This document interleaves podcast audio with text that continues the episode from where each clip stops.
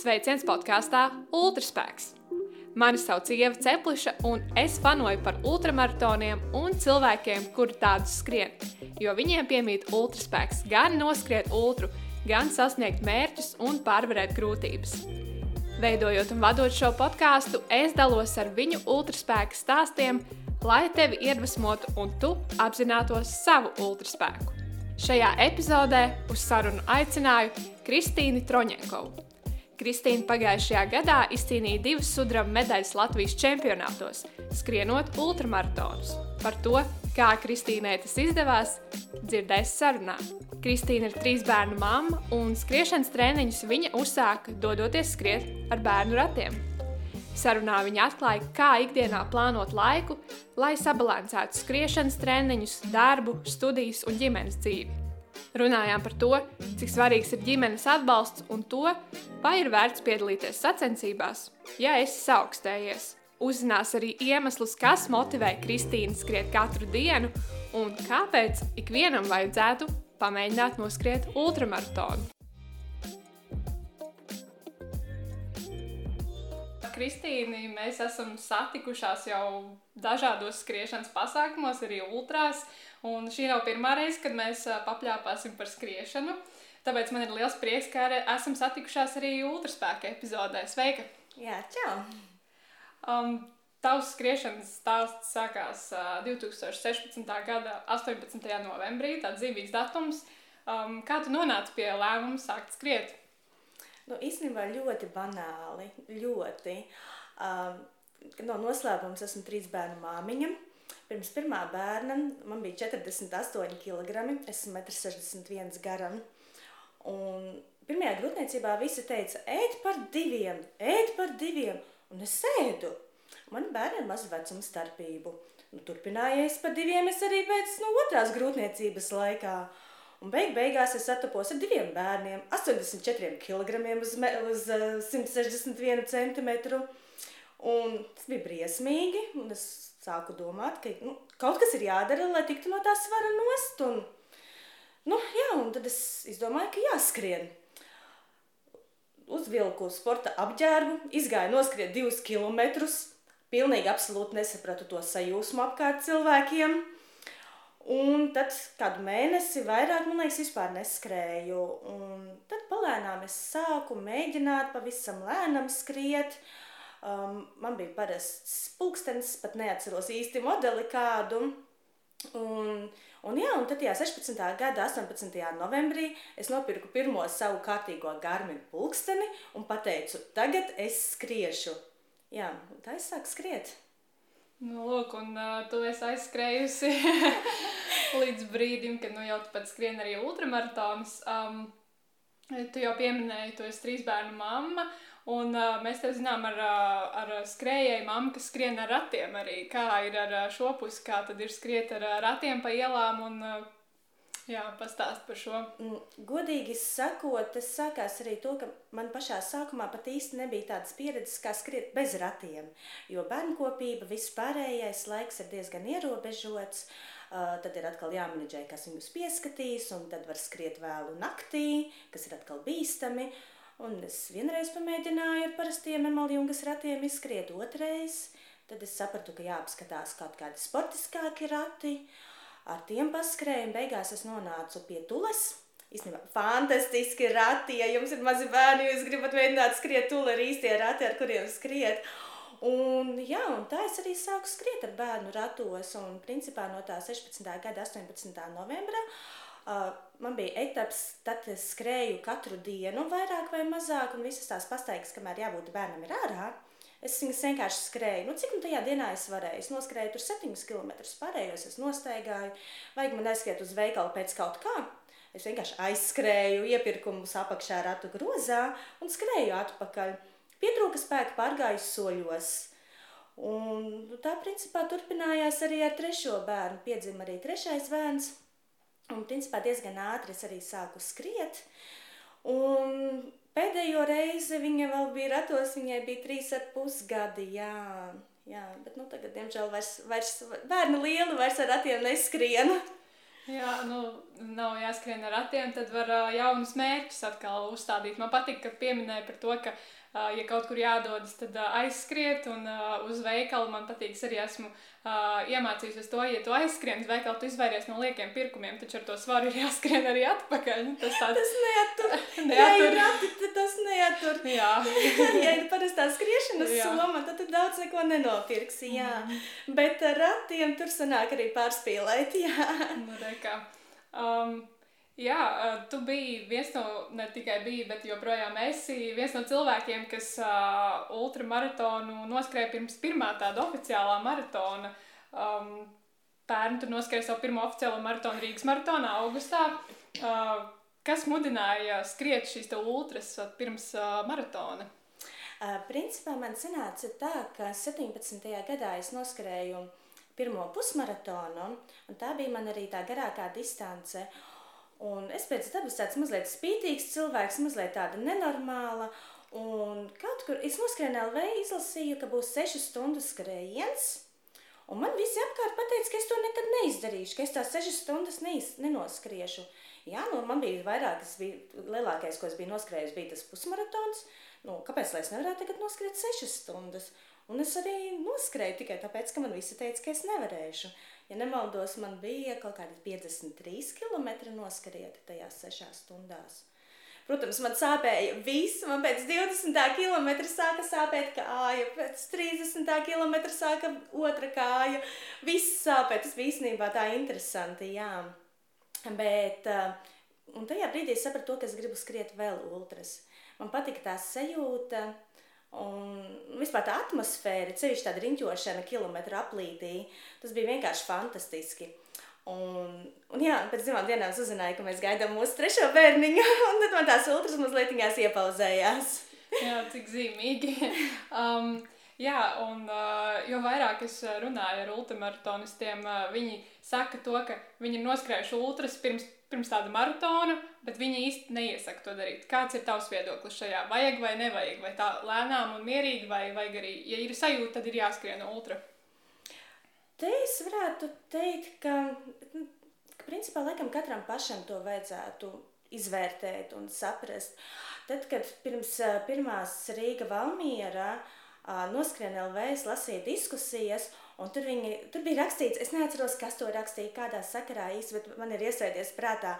Tur bija rakstīts, ja tu nevari noskriet Rīga Valmiera zem 14 stundām, nu tad nu, to nevajag darīt, un, un, un kas tās ir par mocībām un tam līdzīgi.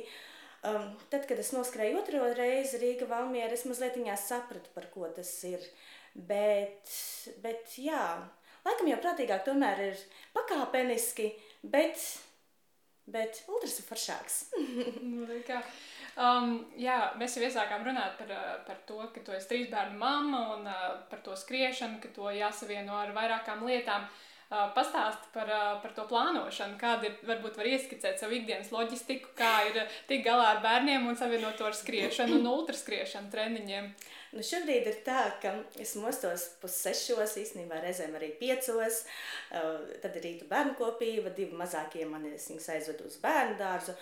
Otra klasniece, protams, ir liels cilvēks, pati aiziet uz skolu, kur mums ir patās blakus mājai. Tad es izskrienu savus 10, 13 kilometrus caur māju, caur dušu, braucu pēc tam uz biroju, pastrādāju.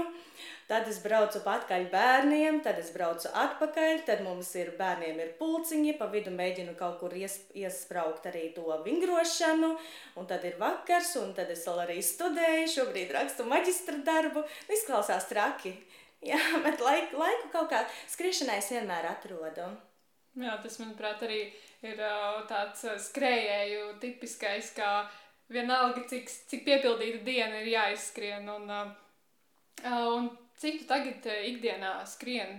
Kā tev ir kaut kāds plāns nedēļai, vai, vai tu pēc sajūtām skrien? Katru dienu es cenšos noskriet vismaz 10 km. Uh, skatos arī to kopējo intensitāti. Ir dienas, kas skrienu ļoti lēni, tad, protams, ir intervāli, kādi ātrāki skrējieni. Tagad šobrīd es arī cenšos katru nedēļu savākt vismaz tos 1000 augstumu metrus. Uh, Um, tā kā diezgan, diezgan, diezgan tāds dažāds tas plāns sanāk un, un, un kopumā cenšos nu, vismaz tos 70 km savākt nedēļā. Nu, nesen, diemžēl, diemžēl tagad ir tik piepildīta tā diena, ka vairāk nesanāk. Nav vairs tik, tik nu, 500 km mēnesī, jā, ir mazāk. Pagājušajā gadā tu izcīnīji divas sudraba medaļas Latvijas čempionātos. Un pirmā bija Latvijas čempionātā 100 km šosejā, kas bija sacensībās Rīga Valmiera 107, ko jau mēs pieminējām. Un otrā Latvijas čempionātā taku skriešanā Stirnbuka vilka distancē. Tad nu parunāsim par šīm te uh, medaļām iegūtajām. Tad, uh, savā skriešanas blogā Kristīna Skrien, tu bieži piemini, ka Rīga Valmiera ir tavs uh, gada gaidītākais notikums vai sacensības. Uh, un tu esi piedalījies trīs reizes pēc kārtas, septītā vieta, tad ceturtā un tad pērn beidzot piedestāls otrā vieta. Un uh, man patika tas, kā tu finišā man teici uh, intervijā, ka tu beidzot uh, to izcīnīji, tu jau to biji sen pelnījusi. Un es pilnīgi piekrītu, un uh, tu pieminēji to nemitīgo skatīšanos pār plecu, kur skrien jau trešā vieta, tagad jau ievu pēc grīviņa. Kā tu atceries šo pieredzi pērn, kad tu beidzot izcīnīji otro vietu un to varbūt to nemitīgo skatīšanos pār plecu, ko tu pieminēji? Mm, patiesībā tas bija, tas bija tāds ļoti, ļoti grūts pasākums. Es ļoti slikti panesu karstumu. Uh, principā tik līdz ārā ir plus 22 grādi. Man jau ir pa grūtu, man ir pa karstu. Uh, pārsvarā es iepriekšējos gadus vasarā mm, pa dienas vidu nekad neskrēju. Uh, Un šogad es sapratu, diezgan laicīgi es sapratu to, ka būs, ka būs karsts, bet Rīga Valmiera noskriet es vēlos. Es um, diezgan ilgi, diezgan ilgi pavadīju to laiku arī skrienot pa dienu, skrienot karstumā. Un, bet es aizgāju uz startu, es sapratu, ka ir karsts, es esmu slapja jau startā, kur nu vēl skrienot, kas būs. Un, jā, nu, es sāku skriet, bet nu, tā, tā, bez tāda mērķa. Es īstenībā es pat nezināju, kura es esmu, kura es neesmu. Es īstenībā nesekoju līdzi. Un tad ap kaut kādu 50 km, man liekas, tas bija, tie bija ģīmi vai viens no kontrola punktiem, kad man pateica, jā, ka es esmu otrā, un tad man bija tāds, ah, būs jāskrien. Es biju domājis, varbūt beigas tur nočunčināt un, un tā lēnam un mierīgi, bet nē, tad man nācās skriet, un tad es vienkārši, vienkārši darīju darbiņu, vienkārši skrēju savās domās, un, un tad man pateica, jā, ka Ieva tuvojās. Un tad tās, tās beigas jau bija tādas, nu, ja jau Ieva man jau ir tik tuvu, nu, beidz, nu, tu esi tik tālu tikusi, tev tagad jāsaņemās, tev nav variantu, un tev ir vienkārši jāskrien. Nu, jā, tad man nācās visu laiku skatīties pār to plecu un, un skriet, jā, man pat tas karstais asfalts netraucēja. Man beigās es noskrēju, man arī jautāja, un kā tev bija tajā posmā, kur tas karstais asfalts? Es tā sāku domāt, pagaidi, bija karsts asfalts. vienkārši skrēju, bija laikam, jā, bet es pat īsti pat nepamanīju. Varbūt tā dzīšanās tā, pēc tās otrās vietas varbūt novērst domas no tā karstuma, varbūt, varbūt tas bija tas. Uh, patiesībā man patīk vairāk tie asfalta ultras ar to, ka tad es vienkārši es ieeju tā tādā meditācijā. Es vienkārši skrienu, man ir savas domas, es tur lēnām kaut ko domāju, kaut ko es plānoju. Uh, Un es skrienu, un man īstenībā tur apkārt tas pārējais viss tur ļoti, ļoti, ļoti maz. Nu, atskaitot, ja man zinās kāds pakaļ. Ja? un, un, jā, un tādā ziņā ir tā, ka tās taku ultras ir tādas dinamiskas. Tev visu laiku ir jāskatās zem kājām, apkārt, tad ir zari. Tad tev visu laiku ir jādomā par to, kas notiek apkārt. Tu tajās savās domās tur īsti neesi. Un pasaules skrienot atkal otrādi. Tu tur esi savās domās, un tu tikai skrien, tikai skrien. Varbūt var pastāstīt, kas tad ir tās domas Te, kad, ko tu domā parasti vai, vai ko tu plāno tajā brīdī, kad tu skrieni? Uh, nu jā, šobrīd es studēju, joprojām es studēju. Man, man liekas, ir tāds maziņš mazohisms, pabeidzu vienu, vajag atkal kaut ko citu. Un, jā, nu, es vienkārši es domāju, ko es kurā nodaļā rakstīšu, kā man labāk to, kā man labāk šo. un arī tādas visādas sadzīviskas lietas, piemēram, tur skrienot, es izplānoju kaut kādu ģimenes izbraucienu. Un, nu, principā tam līdzīgas lietas, jā. jā. Manuprāt, šeit ir interesanti, jo daudz stāsta to, ka viņi nespēja neko padomāt ultrās, bet, bet sievietēm laikam ir tā īpašība spēt darīt vairākus darbus vienlaicīgi un arī, arī domāt un plānot, jo tiešām es varu arī piekrist tam, ka labākās idejas rodas skrienot, jā. tā kā, tā kā tā, tas, tas ir interesanti. Vai tev piedaloties pērn Rīga Valmiera bija tā iekšējā tāda sāpe vai nepadarīt, nepadarītā darba sajūta par to, ka iepriekš bija tā ceturtā vieta, tāds bez piecām minūtēm piedestāls, vai tev bija tā, tā vēlme to piedestālu sasniegt? Um, pirms tā lielā karstuma viļņa bija jā. Uh, jo pagājušajā, tas sanāk, iepriekšējā gadā, tad, kad es skrēju otro reizi, man bija vēdera problēmas jau arī pirms startā. Un tad Nu, nu bija, bija, jā, jo es tajā brīdī es jutos diezgan gatava. Es zināju, ka es varēju, varēšu noskriet, bet nu, tas vēders pateica, nē, šoreiz nebūs. un, un šogad pirms starta es bažījos, jo tas karstums, kuras slikti panesu, es nezināju, kas būs. Um, vispār es pati pat brīnos, kā es saņēmos un tiešām, tiešām izdarīju to, kas bija jāizdara. um, pieminēja par, par šo 20, 20. gadu, par vēdra problēmām. Tur, vai tur bija uztur problēmas, gatavojoties vai, vai pašā trasē? Varbūt tur pastāstīt. Uh, problēmas bija dienu iepriekš, kā jau es arī nu, jā, minēju, trīs bērni. Es domāju, nu bērniņi ir jāiepriecina, mamīte dosies skriet, nu tad ko mēs varam uzēst garšīgi? Uzēdīsim picu. Un man ar tiem miltu izstrādājumiem reizēm ir tā, ka sastrādā dažādas tos jokus, un tad man ir vēdra graizes un, un, un jā, un, nu, nevar, nevajag ēst pīci pirms ultras, nevajag. Pīci atstājam pēc ultras. Kā, um, bet uh, ko tu darīji pagājušajā gadā citādāk, mācoties no kļūdām? Kā tu plānoji savu uzturu trasē, vai tas bija tikai sporta uzturs, vai, vai kā tu to kombinēji šos 107 km saistībā ar uzturu? Um, šo es pie šīs diezgan ilgi arī esmu strādājusi. Uh, un plānojusi un pārbaudījusi, ko es varu ēst un ko es nevaru ēst. Un, uh, principā tas, kas man labi strādā, ir bērnu pārtika, tā, kas ir tā, tā tie biezenīši, auzu pārslu putriņas un augļu biezeņi. Viņi ļoti ērti un ātri viņus var apēst, un vēders man viņus ļoti labi panes. Un tā kā principā tagad šobrīd, jebko skrienot, man vienmēr ir līdzi bērnu pārtika. Nu, super. es domāju, es esmu dzirdējis arī, ka daudz izmanto šos biezenīšus. Tāpēc, ja nu gadījumā kādam šķebina žēlējas, tad izmēģiniet. Um, jā, varbūt uh, no pagājušā gada vai no citiem gadiem skrienot Rīgā Valmieru, tu esi secinājis kaut ko, kaut kādas kļūdas vai kaut ko, ko tu darītu citādāk nākamajā reizē. Uh. Skatoties par šī gada Rīga Valmiera, principā es teiktu, ka es darītu visu tāpatās, bet es nopietni padomātu šim gadam par atbalsta komandu. Jo, principā, ja, ja grib sasniegt labāku rezultātu, nevis skriet un baudīt dabu un bildēt nemitīgi kaut ko, tad, jā, tad ir atbalsta, atbalsta komandai ir jābūt un viņai jābrauc visu laiku ar līdzi. Jābūt katrā punktā jau laicīgi ar sarakstiņu, ko vajag, kad vajag. Tādā veidā. Jā, tu jau pieminēji, ka arī tavā treniņa plānā ietilpst šī vingrošana. Cik svarīga tev ir vingrošana un darbs zālē, lai sasniegtu savus mērķus? Principā kopš es vingroju, svara treniņi, stiepšanās un tam līdzīgi, ir progress. To, to es arī skatos un analizēju. Jā, man patīk visādi gadgeti, visādi cipariņi un statistikas un visādi radītāji. Jā, kopš regulāri svaru zāle ir, ir, ir, ir, ir ļoti liels uzlabojums, jā, tāpēc tas ir ļoti, ļoti būtiski.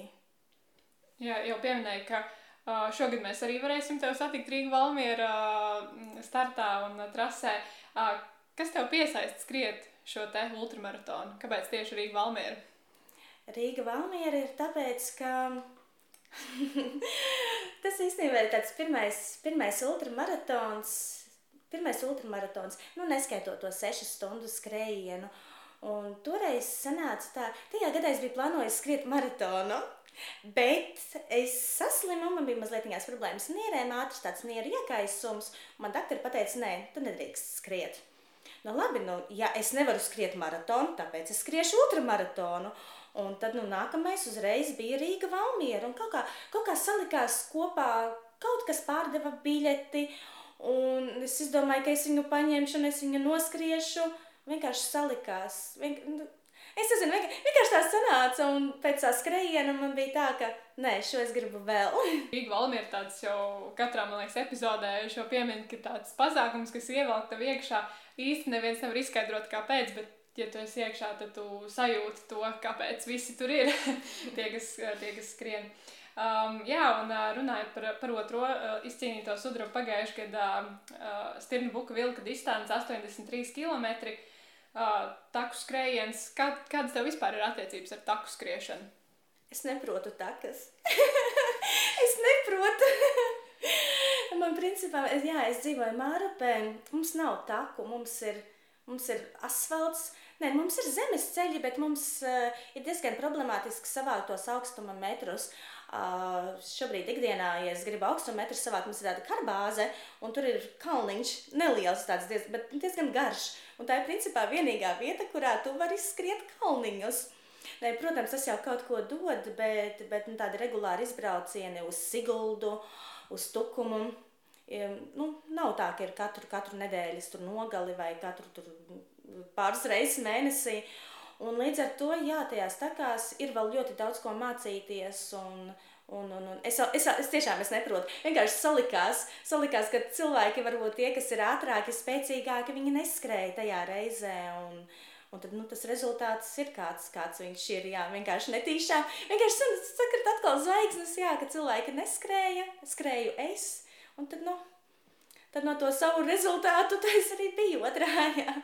Man patīk tavs, uh, atceros vienreiz tu Instagramā teici, uh, ka jābrauc ir uz Sigultu paskriet kalniņus, uh, jo nav jau jēgas čīkstēt, vienkārši ir jāskrien. Ir jādara, jā, jā. Ar tādu, tādu pašu es tagad arī regulāri cenšos. Arī pagājušajā nedēļas nogalē bija Sigulda paskriet. Tur, protams, jau pie pirmā noskrējienas pa serpentīnu slideno nokritu, sadauzīju dibenu, bet kurš tu nu čīkstēs, jā. Bet jā, tagad es cenšos arī jā, paskriet tos kalniņus. Nu, nu, neko darīt. Nu, ir jāskrien. Vajag. Vienkārši vajag. Jā, citādāk jau pie rezultātiem netikt jādara. Jā. um, bet, uh, jā, atgriežoties par šo te, šīm te sacensībām, šo te vilku distanci, uh, trases laikā tu saskāries ar uh, potītas sāpēm. Kas uh, tomēr lika turpināt uh, šo, šīs sacensības? Stulbums, vienkārši stulbums. Kurš normāls cilvēks ar sāpošu kāju turpina skriet? Uh, Nezinu, es ne.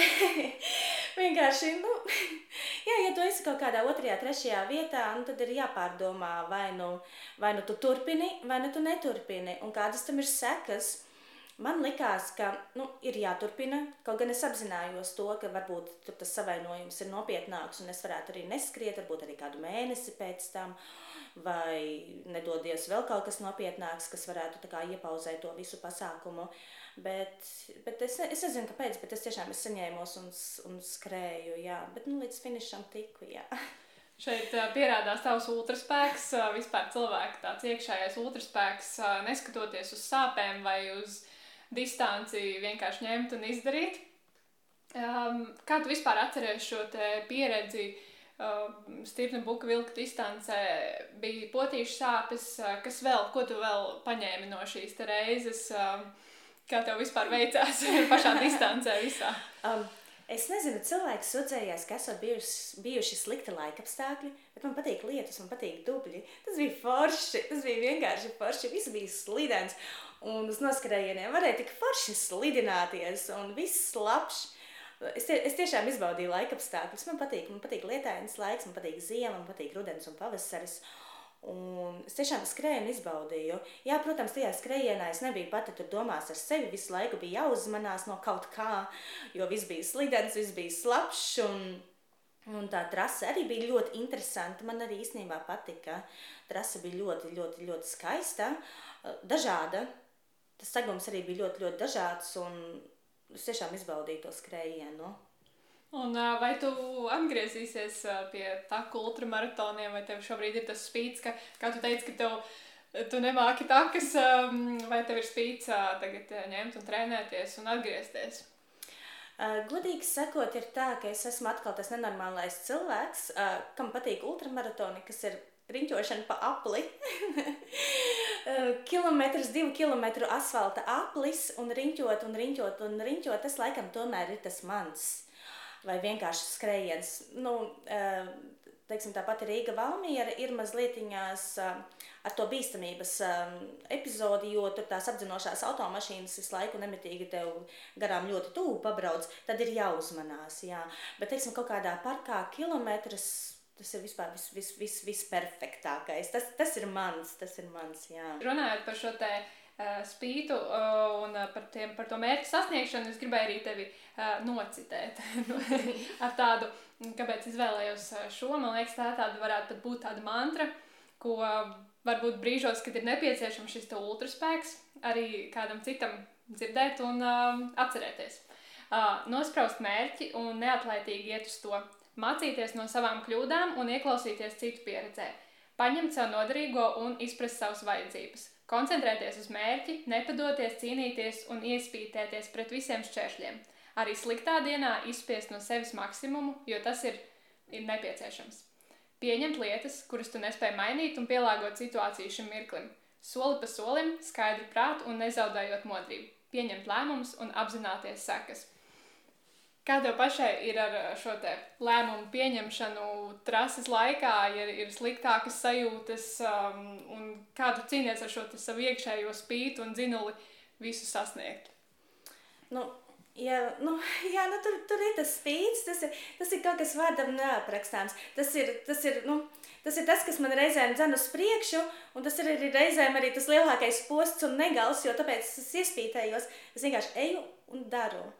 Un pat ja es nevaru to tajā dienā izdarīt, es vienkārši eju un daru tas pats Siguldas kalnu maratons.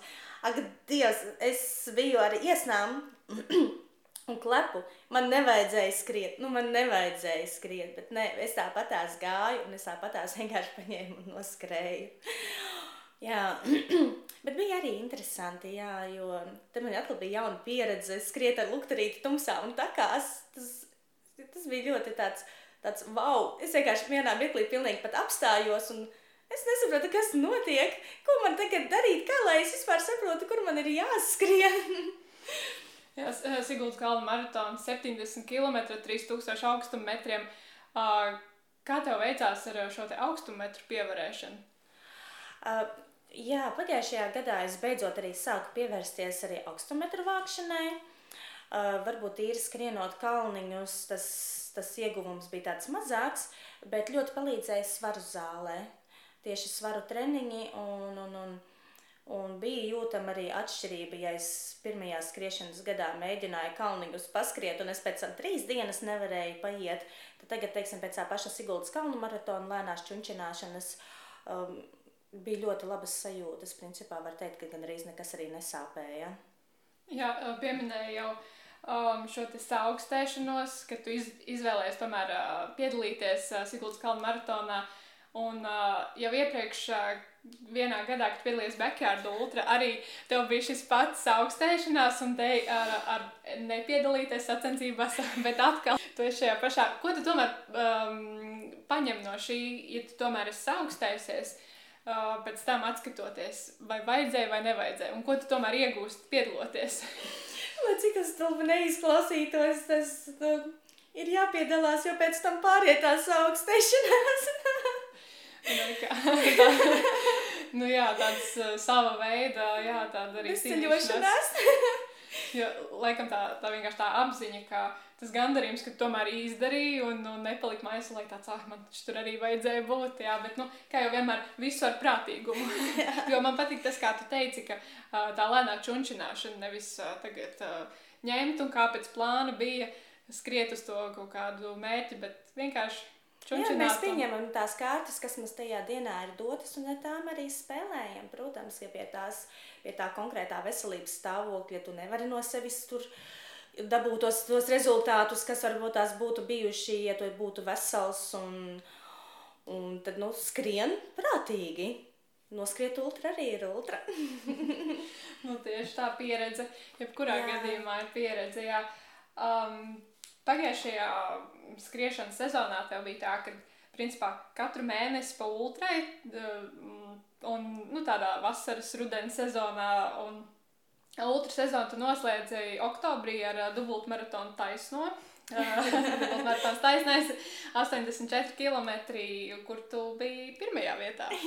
Um, Un vēl tāda interesanta lieta, kāpēc es pieminu šo um, ultru, ir tas, ka tu ne tikai skrēji, bet paralēli arī piedalījies attālinātajās studijās.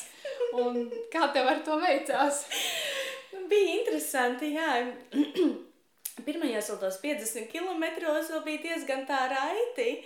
Un es skrēju, es vēl atbildēju gan uz ziņām, gan arī, nu, jā, arī klausījos arī paralēli arī fonā lekcijas.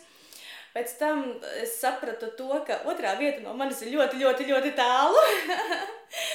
un tad es sāku arī jau, man sāka tā kā zust arī tā motivācija ļoti, ļoti censties. Uh, Un jā, nu, es vienkārši es paralēli turpināju gan sazvanīties, gan parunāt, gan, jā, bet nē, tā, tā nav laba doma, tā nedariet, nē, tā nav laba doma. nav, to, tomēr, ja skrien, tad, tad ir jākoncentrējas. Jā, vajag skriet, tikai skriet, nē, paralēli lekcijas labāk, nē. bet kā ir, piemēram, ikdienā, vai tu apvieno skrējienu tādā treniņā ar, ar lekcijām, vai, vai, vai, vai tu to vairs nedari? Kā ir ar to? Uh, šobrīd man ir tā, ka man ir palicis uzrakstīt tikai maģistra darbu, līdz ar to, paldies Dievam, lekciju vairāk nav. Bet jā, esmu arī skrējusi un klausījusies. Un, uh, tā kā man sestdienas bija visas dienas ar lekcijām, tad bija tā, ka es skatījos arī plānojumu.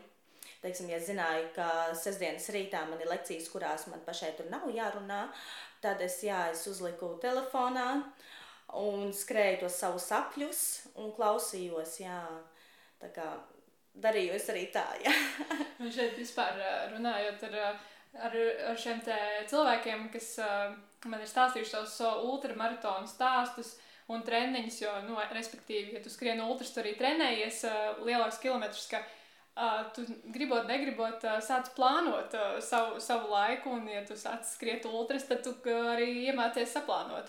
Tas, man liekas, tāda pievienotā vērtība. Jā, jā. Un tavā gadījumā vispār, ka tev ir jāplāno laiks bērniem, darbs, studijas, tad Bet jā, nu, mums ir tagad arī tā, ka man arī, es nezinu, tas izklausās arī varbūt maz, mazliet smieklīgi, bet man arī, nu, tu tūlīt jau četrgadniece, mamīte izskries, un tad mēs darīsim to un to. Vai, vai dēls pajautā, mamīte, tu jau šodien izskrēji, jā, mēs tagad varēsim izdarīt to un to. Jā, un arī vīrs tā, tu jau, eh, cikos tu skriesi tajā un tajā dienā, pat ja mēs izbraucām kaut kādā brīvdienu izbraukumā uz vairākām dienām tad arī visi, visa ģimene zina, ka man vajag izskriet un tad nu, ielikt tajā dienas plānā. Ja? jā, ģimene jau ir pielāgojusies. Kā vispār ar, ar ģimenes atbalstu tavā skriešanā? Un kāds varbūt ir mainījies šo gadu laikā, tas kaut kāds pieredums vai, vai kā tas notiek? Nu, godīgi sakot, pirmajā gadā man vīrs domāja, ka tās ir vienas lielas muļķības. Un principā, jā, es skrēju galvenokārt vēlu naktī, tad, kad man visi bērni bija nolikti gulēt. Un tad, kad jau es sāku, sāku kā uz kaut kādiem tādiem daudz maz respektējamiem rezultātiem, jā, tur kaut kādas ceturtās vietas un tā, tad jau viņš jau tā sāk jau tā, tā, nu, tā, ņemt mani nopietni.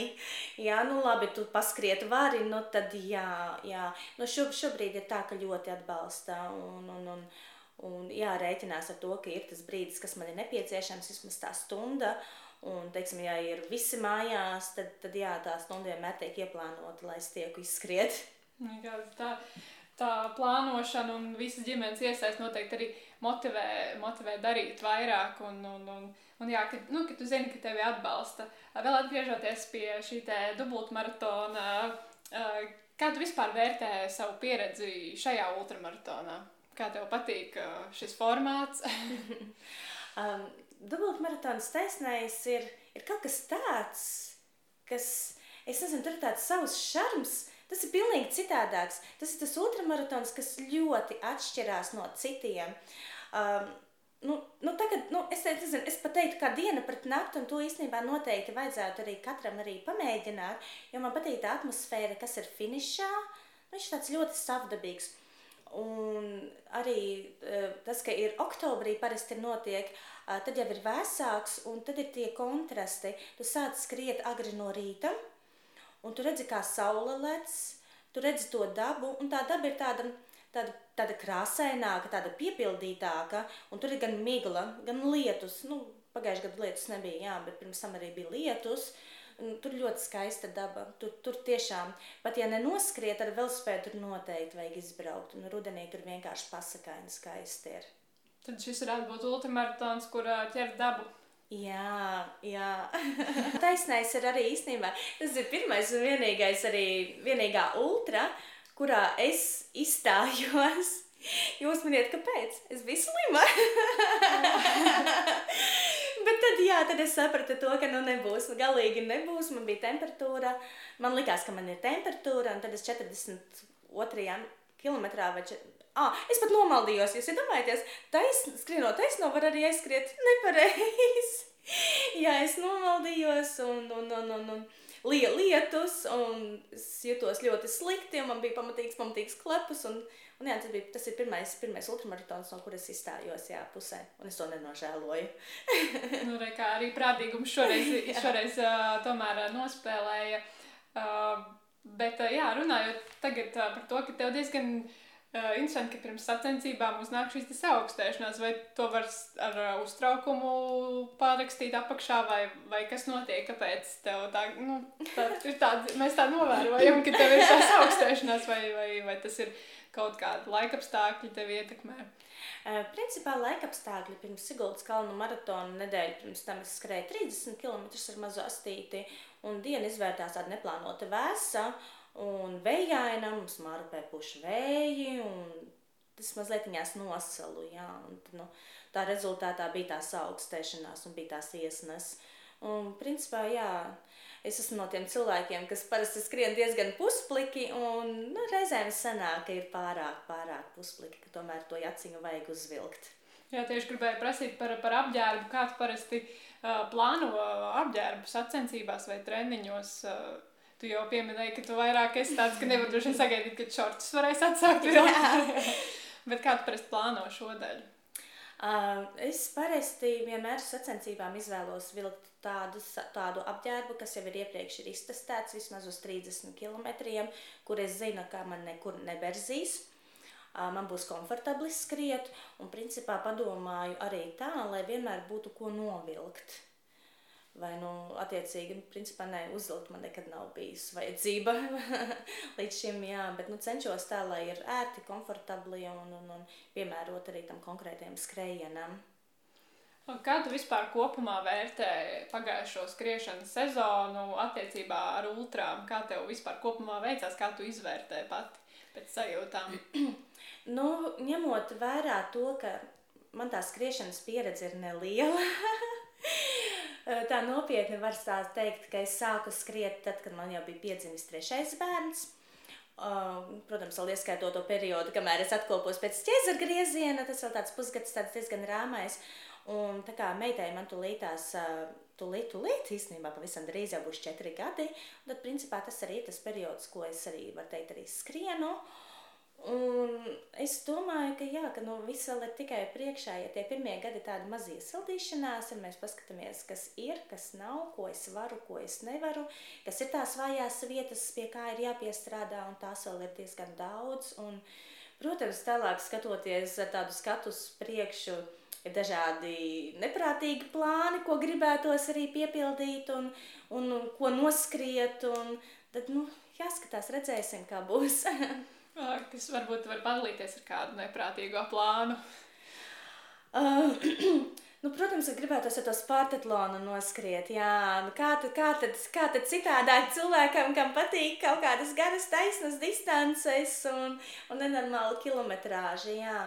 Tāpēc es šogad gribētu noskriet arī, man ir ieplānots arī 24 stundas, lai varētu izpildīt to kvalifikācijas spārtatlonam. Uh, un cerēt, ka es tikšu nākamgad. Labāk jau, protams, ir aiznākamgad, lai varētu labāk sagatavoties, jo, nu jā, jo noskriet noskriešanas pēc un kaut kur uz beigām čunčināt, es domāju, vai, vai vispār ir to vērts, jā, jo tas ir tomēr tāds, tāds mocības. Bet tad, kad tu jau esi fiziski tam gatavs, um, gan fiziski, gan arī tev galva uzskata, ka tu esi gatavs un ka tu to vari, tad tas ir citādāk. Tad tas skrējiens arī tāds baudpilnāks. Jo, teiksim, arī salīdzinot ar to pašu pirmo Rīga Valmiera, nu, tas bija mocības. Tas bija mocības. Es, protams, es nezināju, kas tas ir. Un beigu etaps bija soļošana un skriešana, epizodiski mainot. Un vai es gribētu mocīties tā tos 246 km? Protams, nē. Daudz, nu, daudz, daudz baudpilnāk ir, ja tu viņus vari visus noskriet, bet nu, tāpēc, ir, tāpēc ir jāstrādā. Jā, tur uh, pieminēja par Rīgu Valmēru, kad bija arī soļošanas posms, un tāpēc tas ir skrējiens soļojums. Bet tāpēc, ja kāds plāno un uztrauc, ka kādā brīdī ir jāpasoļo, tas ir pilnīgi normāli, jo tie tomēr ir 107 km cevišķi jau piedaloties pirmajā reizē. Tu jau pieminēji, ka tu skrien katru dienu, un tas arī nav pirmais gads, kad tu tev ir tāda apņemšanās skriet katru dienu. Kad tev pašai tas patīk un kādas ir sajūtas skrienot katru dienu? Uh, godīgi sakot, jā, uh, skrēju. Īstenībā, nu jau es skrēju katru dienu. Man bija 500 ar kaut ko dienas pēc kārtas. Un teikšu godīgi, pašā sākumā kaut kādas pirmās 200, 250, tur mazliet tāds lūzuma punkts, jo tas ir tāds, ka tev ir jāieplāno. Tev to vajag ieplānot, tev to vajag ielikt tavā ikdienā, un tu gluži nevari tad neskriet. Bet tad man tas iegājās tik, tik organiski, ka tas beigu periods ir. Turpat, turpat nebija variantu. Man liekas, ja diena, un es nebūtu izskrējusi, nu, tā, tā, tā nav īsti tā diena. Un, un prasās, prasās to aktivitāti, prasās vismaz to mirklīt, lai tu esi pats ar sevi, mierā un klusumā. Ziniet, kā trīs bērni, vienkārši no viņiem bēg projām. Lūk, un, un ir, nu, tas ir tas laiks man, un es vienkārši viņu izbaudu, un viņu vajag. Un, jā, un tad mums sanāca, mēs pagājušajā gadā, novembrī, visa, visa ģimene saslimām ar covid. Un tad iepauzēja, tad nācās, tad nācās sēdēt mājās, lai gan slimojas ļoti viegli. Un, jā, tā kā, tā kā visas manas dienas pēc kārtas ir pārtrauktas, mēnesis bija tāds, tāds ļoti prātīgs. Es baidījos arī no tām ilgtermiņa sekām, bet par laimi izskatās, ka nav. Progress ir kaut kāds, kaut kas notiek. Un šobrīd, šobrīd jā, es arī skrienu katru dienu, bet vai es vēlos noskriet atkal tūkstotis dienas pēc kārtas? Es nezinu, jo tomēr, tad, kad es noskrēju tikko svaigi ultru, nu, ir piespiešanās. Tās nākamās divas dienas ir tādas, ka prasās, prasās mazliet. Nu, nu, neskriet. Jā. Man arī var, pēc statistikas arī var redzēt, ka man tajās ir tādas dienas, kurās pēc ultras ir 100-200 metri noskriet vienkārši ķeksīšu pēc. Jā. Tā kā, nu, tagad vairs nav pienākums sajūtas, bet, bet skriet es skrienu, jā, katru dienu. Un principā tā skriešana savā ziņā arī palīdz arī svara kontrolē. Jā, un, un, un tad es Tad es varu uzēst arī kūciņu, nekļūt resna.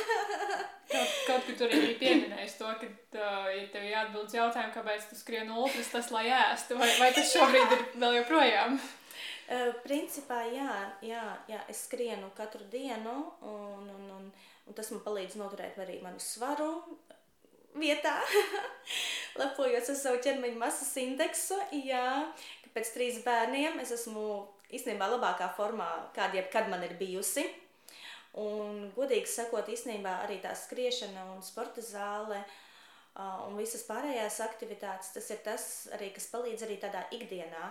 Es esmu, tā kapacitāte ir diezgan liela, es spēju izdarīt visu to, ko es izdaru tajā dienā. Un nākamais ir arī tas, ka tas ir priek, nu, priekšzīme bērniem. Bērni redz, ka vecāki sporto Un līdz ar to paši, nu, viņi, arī, viņi arī pavalkās tam līdzi. Jo, teiksim, tagad manai otrklasniecei mēs tieši kā reizi tikko reiķinājām, cik viņai sanāk aktīvās stundas nedēļā.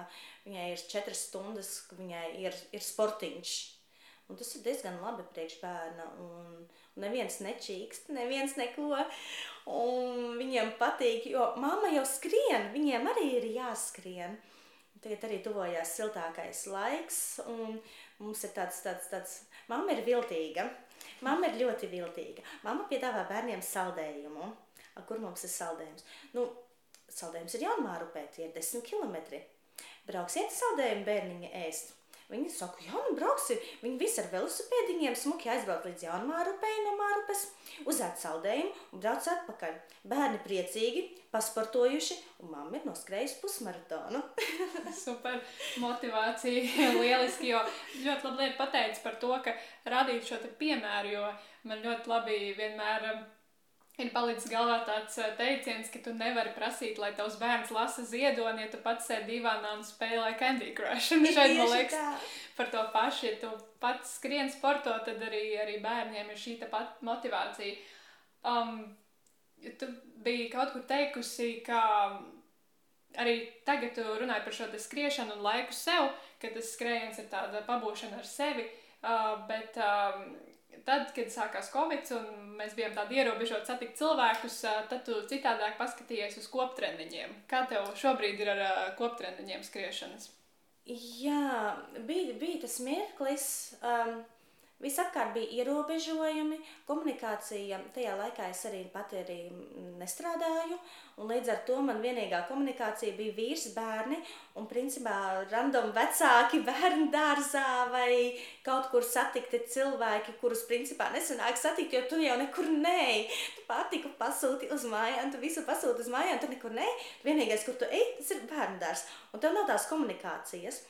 Un sanāca tā, ka, jā, ka tieši turpatās netālu cilvēks interesējas par koptreniņiem. Nu, es it kā atsaucos, un, bet tajā pašā laikā es tā domāju, vai nu tiešām es un koptreniņi, es un koptreniņi, nu nē, nu nē, nu labi. Cilvēks uzstājīgs, nu, izskrienam. Izskrējām vienreiz, otrreiz, un tad izveidojās tāda maza, maza grupiņa, kuriem tas temps sakrita, uh, Un tik dažādi tie cilvēki un tādas interesantas tās sarunas. Jā, mums tieši arī tajā pirmajā tajā pandēmijas vilnī arī sakrita visiem tā, ka uh, tika vai nu bērniem vēlāk sākās mācības. Uh, man tieši arī pirmklasniece uz to mirkli bija, man līdz desmitiem bija jābūt mājās. Un tad mums bija tas laiks no tiem astoņiem, kad mēs varējām kopā skriet, un tas bija fantastiski. Tā bija komunikācija ar pieaugušu cilvēku, cilvēkiem. Uh, Un, un tā, tāds, tāds kvalitatīvi pavadīts laiks, jā.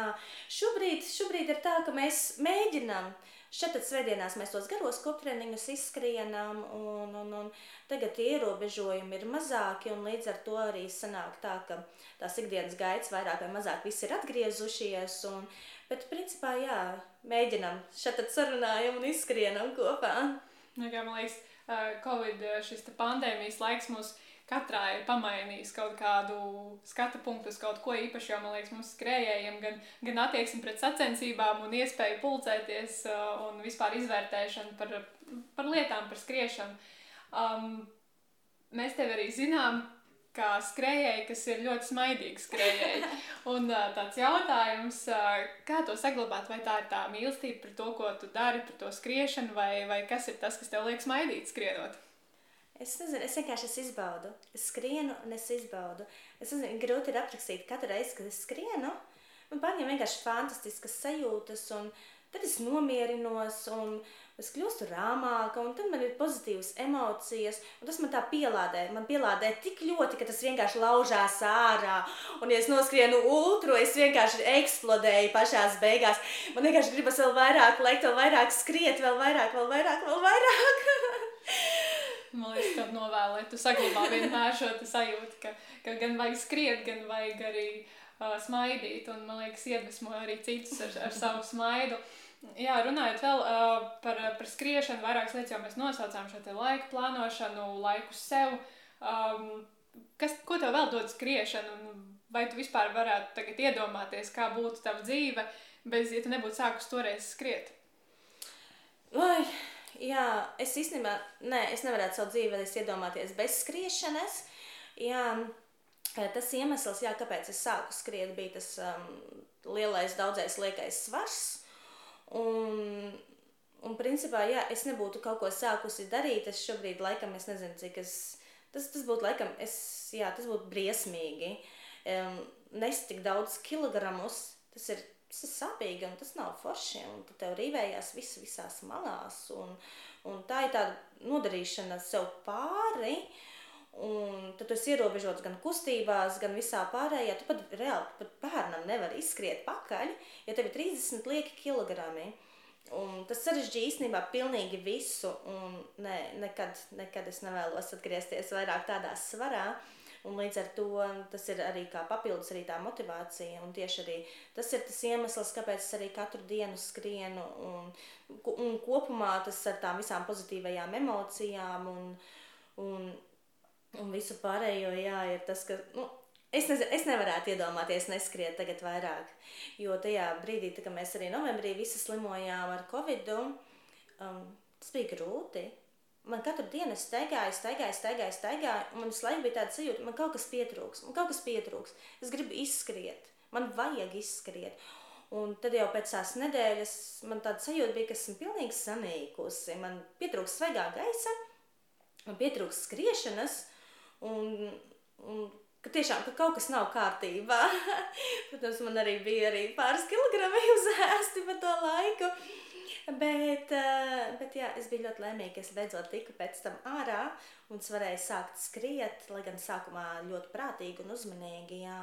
Bet jā, es ļoti novērtēju, ka es varu skriet katru dienu. Oh, jā, tu pieminēji šo te uh, svara nomešanas tādu motivāciju. Vai tu vispār ieteiktu skriešanu kā tādu veidu, kā atbrīvoties no liekiem kilogramiem? Uh, noteikti nē, noteikti nē. Um, varu arī pastāstīt arī kā, kā man tas pats sākuma periods bija tas, ka ar pirmo bērnu uh, galvenokārt visas man ārā iešanas bija tādas, ka es vienkārši bērniņu izgāju ārā, bērniņš ratos, un mamīte sēž uz soliņa, un mamīte nekur nestaigā, un Un tajās dienās, kad es nogāju 8 km, es atnācu mājās, oh, klāsies vīrs. Es biju ļoti, ļoti garā pastaigā. Es nogāju 8 km. Protams, es tagad skatos vienkārši uz to un smējos. Bet man tie 8 km toreiz likās tik ārkārtīgi daudz. Jā, un ar otro bērnu bija tā, ka es sāku ļoti daudz arī staigāt sākumā. Uh, Katru dienu gāju ārā garās, garās, garās pastaigās. Bija pat 15 km, bija pat arī 30 km. No Mārupas aizgāju līdz jūrmalai, atnācu atpakaļ. Protams, bērniņu pa vidu kaut kur pabarojot un uz kādu soliņam. Un, jā, un tas bija tā, ka mēnesī bija aptuveni 300-400 km nostaigāti. Tad jau arī tas svars mazliet panāca nost. Un, un principā jā, tā skriešana vairāk ir piemērota jau tajā brīdī, tad, kad tev ir tas svars tādās nu, normas robežās, jo citādāk tas ir, nu, tā, tā ir pārāk liela slodze. Uh, gan ceļgaliem, gan arī saitēm, visām pārējām. Un tur principā vajadzētu arī sākumā pavingrot mazlietiņās un nevajadzētu tā uzreiz mesties skriet, kur nu vēl uzreiz ultramaratoni, cevišķi, ja ir daudz lieku kilogramu. Jā, jo Šobrīd arī tiem, kuriem ir tas liekais svars, ir ļoti laba opcija. Teiksim, tāpat nojošana.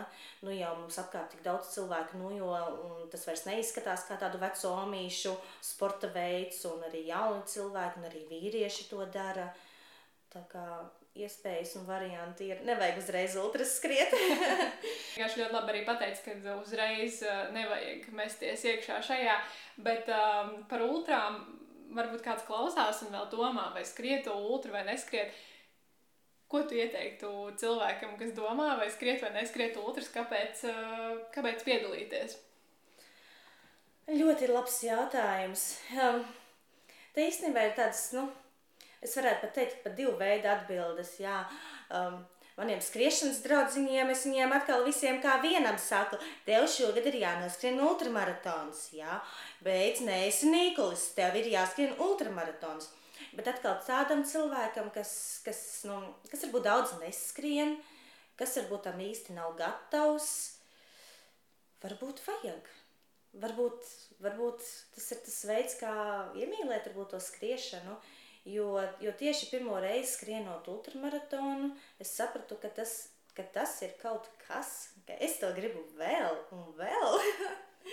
un pēc katra, vismieklīgākais ir tas, ka tu esi tikko noskrējis ultramaratonu, un tu jau sāc plānot nākamo. Par ļoti izplatītu praksi ar, ar, ar to iekšējo dialogu ar sevi ceļā laikā. Nu, nekādā mūžā, lūdzu, ne. Pēc stundas jau skatāmies, kur tad ir nākamā lūkriņa, kur tad pie, pierakstīties. Uh, jā, un tad uh, tu teici, varbūt tas ir veids, kā iemīlēt šo skriešanu. Tas ir uh, tieši tās emocijas, ko tu iegūsi tur, vai tā gandarījuma sajūta finišā. Kas ir tas, kas uh, tev piesaista ultrās tieši? Pats process pats process. Um, tas ir kaut kas nu, vārdiem neaprakstāms. To īstenībā vajag izbaudīt. Es pat teiktu, ka tās sajūtas vajag izbaudīt katram. Un atkarībā no tām spējām arī mainās arī tās sajūtas. Es tiešām es arī atceros, ka pirmo reizi 6 stundas skrēju. Kad tev jau sāk sāpēt pie 20 km kaut kas, pie 30 km tu domā, ka viss pietiek, kā var, kā var vispār vēl turpināt un tikt uz priekšu. Tad šobrīd jau, protams, es smējos, jā, tie 30 km liekas, nu tāds, nu, nā, izgāja paskrēja, ka tas es būtībā nekas nav, un, teiksim, arī pēc pagājušā gada Rīga Valmieras, es vēl nākamajā dienā turpināju tāpat tās lēkāt, kā finišā. un, jā, nē, bet es iesaku, es iesaku noskriet katram kādu ultru. Varbūt uzreiz nevajag skriet tur, nu, tur 150 km, tur 24 stundas, Bet, nu, varbūt tādu kārtīgu Rīga valmieru, nu, Rīga valmieru vajag, jā. Jo tur arī kontrola laiks ir ļoti draudzīgs, un tajās 19 stundās tu tur var izbaudīt pilnīgi absolūti visu. Ja tiks tālāk par Rubens kontrola punktu, tas visvaršākais kontrola punkts. Jā, Rubēna ir tāda lieta, kas skrējuši zina. Um, jā, es atceros arī uh, vilka distanci, kad tu mēroji, ka tevi motivēja arī mūzika, ko tu uzslēdzi un to teici, piedodiet uh, tie, kas skrēja garām. Uh, jā, un uh, redzams ir tas, ka dziesmas mūs motivē, un uh, tāpēc es vēlos tev jautāt uh, tavu ultraspēka dziesmu. Um, dziesma, dziesma būs instrumentāla, uh, Un, principā, šo dziesmu arī varētu nodēvēt par ultru. Viņa diezgan gara, vesels 12 minūtes. Piedodiet, kam nepatīk. dziesma būs John Butler Ocean. Un tas ir instrumentāla dziesma. Viņš spēlē viņu uz 12 stīgu ģitāras. Un pie labas akustiskās sistēmas viņu vienkārši var baudīt. Tur nav vārdu. Viņa ir diezgan tāda interesanta manuprāt, pilnībā atspoguļo tādu ultru, jo tur ir viss. Tur ir gan kāpumi, gan kritumi, tur ir miers, klusums, un tad ir atkal aiziet tā dinamika. Nu, tā, nu, tā ir dziesma, kas, ja man būtu jāraksturo ultra vienā dziesmā, tad tā būtu tā īstā dziesma. Super liek iekšā, un mēs visi klausīsimies un uh, smelsimies ultraspēku. Uh, paldies, Kristīne, par sarunu. Es novēlu tev, lai tev izdodas tavi, tavi mērķi, un, uh, un, un, un lai, lai jums viss arī ģimene uh, ir aktīva, turpina un, un vēl vairāk. Un, un piedalīties varbūt sacensībās, visi ģimene jau varbūt pat ultras skriesiet kopā kādā brīdī. Uh, un es ceru, ka pavisam drīz arī mēs redzēsim tevi uz Spartatlona startu un, un finišā tikpat smaidīgi kā vienmēr. Un, un tā, un, un tā kā man bija ļoti liels prieks ar tevi, ar tevi parunāt, un uh, tiekamies ultrās, vai ne? Tiekamies, jā, paldies! paldies par sarunu!